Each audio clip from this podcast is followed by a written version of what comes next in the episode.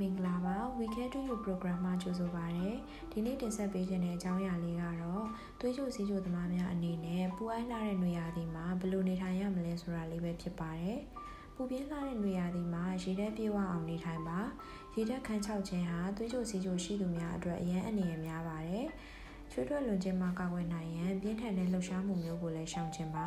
။ခြေထောက်များကိုဂရုစိုက်ပါ။ ရှုဖက်နဲ့စီးရသူဖြစ်ရင်နှွေရသည်မှာခြေသားနဲ့လှုပ်တဲ့ခြေအိတ်များကိုပဲဦးစားပေးဝတ်ဆင်ပေးပါ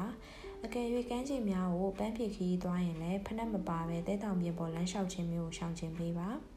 ခြေထောက်များကိုအမြဲတစေ6သွေးသက်ရှင်နေပါစေသွေးကြိုကြီးစီးကြိုရှိသူများရဲ့တဘာဝကိုကပုံမှန်လူများထက်ချွေးပိုထွက်တတ်တာကြောင့်နှွေရသည်မှာခြိသားအဝတ်အစားပွားပြီးတော့လေဝင်လေထွက်ကောင်းတဲ့အဝတ်စားတွေကိုပဲရွေးချယ်ဝတ်ဆင်ပါ နေပူထဲထွက်ရရင်တော့နေလောင်ကခရမ်လိန်ခြင်းအုတ်ထုပ်ဆောင်ခြင်းထီဆောင်ခြင်းများပြုလုပ်ပေးပါ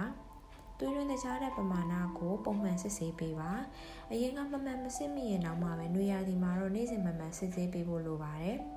အရန်ပူတဲ့ရာသီဥတုကသွေးရင်းတကြားတဲ့ပမာဏကိုကမောက်ကမဖြစ်စေတတ်တာကြောင့်ပဲဖြစ်ပါတယ်။ တောက်ဆေးများနဲ့အင်ဆူလင်တို့နေအောင်ကြီးနဲ့ဓာတ်ရိုက်ထိတွေ့ခြင်းမှာကာကွယ်ပါအင်ဆူလင်ကိုမသုံးမီရေခဲတစ်တာထဲထားပြီးတော့ဖွင့်သုံးပြီးမှသာအခန်းပူချိန်မှာထားရမှာဖြစ်ပါတယ်တောက်ဆေးတွေကိုတော့ပူလွန်းတဲ့ကားထဲမှာထည့်ထားခြင်းမျိုးကိုရှောင်ကျဉ်ပေးပါဒီနေ့ပြပြသွားတဲ့အကြောင်းအရာလေးကတော့သွေးကြိုစီးကြိုသမားများအနေနဲ့ပူအိုက်လာတဲ့နေရာဒီမှာဘယ်လိုနေထိုင်ရမလဲဆိုတဲ့ချက်လေးတွေပဲဖြစ်ပါတယ်။